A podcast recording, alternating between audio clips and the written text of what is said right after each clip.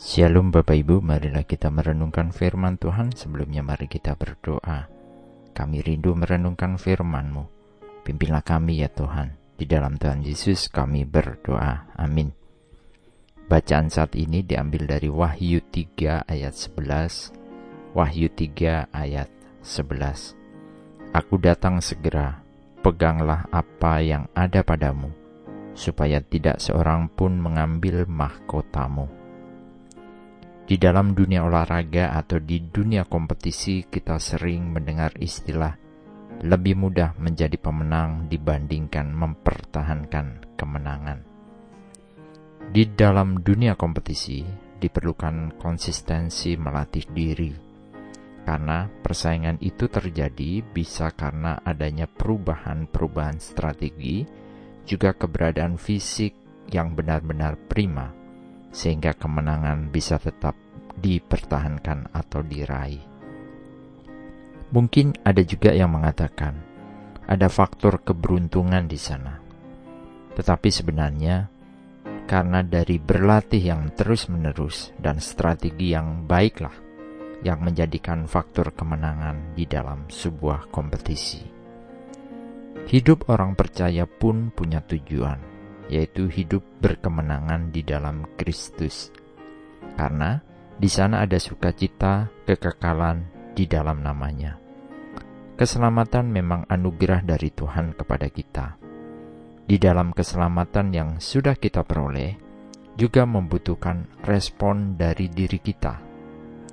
Respon kita adalah menjaganya dan berlatih terus-menerus. Hidup di dalam dunia dipenuhi oleh rupa-rupa godaan dan strategi untuk menjatuhkan kita ke dalam dosa. Oleh karenanya, kita harus terus mengembangkan anugerah keselamatan tersebut dengan belajar terus untuk mengenal apa yang Tuhan mau di dalam hidup kita. Pengenalan akan Tuhan membutuhkan konsistensi yang terus-menerus dengan merenungkan firman-Nya setiap saat dalam Yosua 1 ayat 8 tertulis, Janganlah engkau lupa memperkatakan kitab Taurat ini, tetapi renungkanlah itu siang dan malam, supaya engkau bertindak hati-hati sesuai dengan segala yang tertulis di dalamnya. Sebab dengan demikian, perjalananmu akan berhasil dan engkau akan beruntung.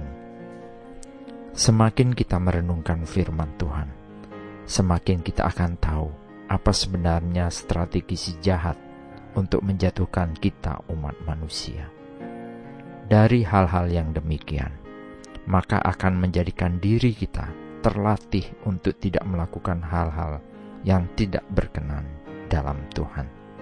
Sehingga kita akan terus terjaga di dalamnya.